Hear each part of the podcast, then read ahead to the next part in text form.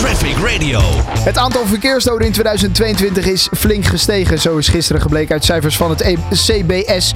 En hoe die cijfers nou er precies uitzien en de oorzaken daarvan, dat bespreken we met Rob Stompers van Veilig Verkeer Nederland. Rob, een hele goede middag. Goedemiddag, Daan. Ja, goed dat we eventjes eh, kunnen spreken, want eh, die cijfers zijn gisteren bekend geworden. Daar hebt je ons eh, eerder vorige week al eventjes over. Want nou ja, die cijfers die geven toch altijd wel een hoop aan eh, over zo'n verkeersjaar eigenlijk, hè?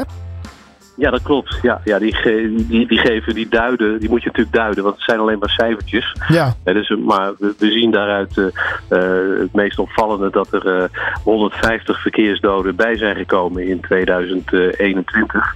Eh, waardoor we nu op eh, 738 zitten aan verkeersdoden. Dus dat is een, echt een, een toename van, eh, van zo'n 25 procent. Eh, en, en dat is, eh, ja, dat is, dat is natuurlijk een hoop werk aan de winkel. Dus het gaat, Ja. het gaat mis. Ja, en niet alleen ten opzichte van 2021 dat het aantal verkeersslachtoffers is gestegen, maar ook is het het hoogste aantal sinds 2008, hè? Ja, dat klopt. Want het was eh, eh, in, in die periode, ja, het, steeg daarna een beetje door hè, tot, tot, tot tegen de 600 eh, doden per jaar aan. We hebben ook een 572 gezeten, dus dat ging de goede kant uit. Maar het bleef een beetje hangen zo rond die 600. En, en nu ja, is het een enorme sprong weer de, de verkeerde kant uit. En dat begon eigenlijk al in 2017 met eh, eh, jonge mensen die, eh, ja, die, die met alcohol slok, eh, slok te veel op eh, achter het stuur gingen zitten. Ja. Dus het verdubbeling sinds 2017 van het aantal overtreders op alcohol. En, en dat, dat was al een teken aan de wand.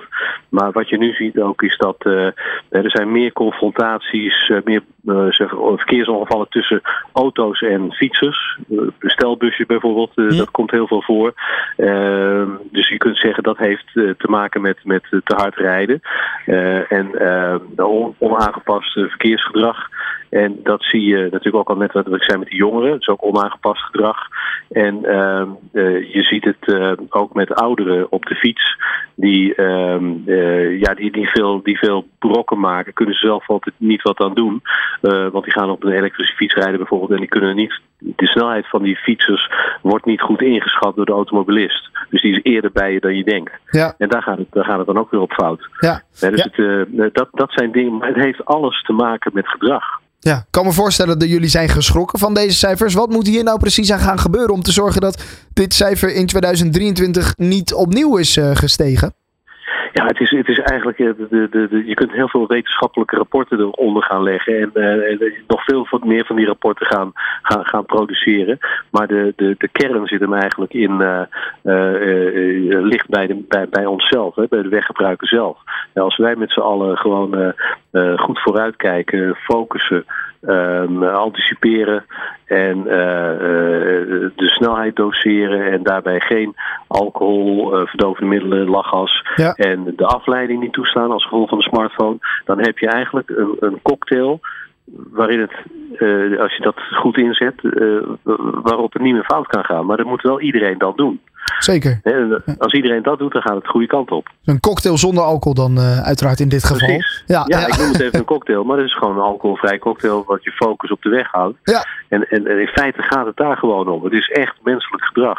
95% van alle ongevallen die komen nog steeds voort uit eh, menselijk falen. Dus daar gaat het mis. Ja, en die dag van die dat- wat het vandaag is, dat zou daar natuurlijk ook bij zou, kunnen helpen misschien. Ja, nou ja, eh, kijk, een fietshelm eh, voorkomt natuurlijk geen, eh, geen ongelukken.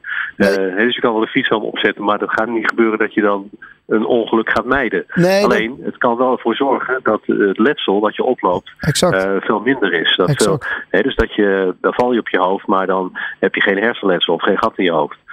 Dat, dat is wat een helm doet natuurlijk. Maar wat je in eerste instantie moet doen, is het voorkomen van dat ongeval. Daar moet je niet in terechtkomen. Voorkomen is nou, beter dan genezen. Dat, dat is het. Ja, Ja, dan hoef je ook niet naar zo'n traumachirurg eh, toe. Want dat Nee. is natuurlijk toch veel ellende. Maar het kan je natuurlijk ook overkomen door een ander hè, die jou aanrijdt. Waardoor je, hè, eh, als je in een drukke stad woont en je fietst heel veel en je fietst op een e-bike, neem in Amsterdam of Den Haag, Rotterdam of Utrecht. Ja, dan is, dan is een, een fietshelm helemaal niet verkeerd natuurlijk. Dus wij laten vooral in beeld echt, en, en, en in de video zien een gemengd beeld van mensen met een helm op en mensen zonder helm. En, en eh, eigenlijk eh, zie je ook om je heen nu, als je buiten om je heen kijkt, zie je al heel veel mensen eh, met een helmpje op. Dat gaat, gaat alleen maar toenemen. Ja, opvallende cijfers dus inderdaad. En uh, cijfers die zeker uh, ervoor moeten zorgen dat we hier iets aan gaan aanpassen. In 2022 dus 737 verkeersslachtoffers uh, te betreuren. Ik sprak erover met Rob Stomporst van Veilig Verkeer Nederland. Waar je ook heen rijdt, wij gaan met je mee van A naar B. Traffic Radio, always on the road.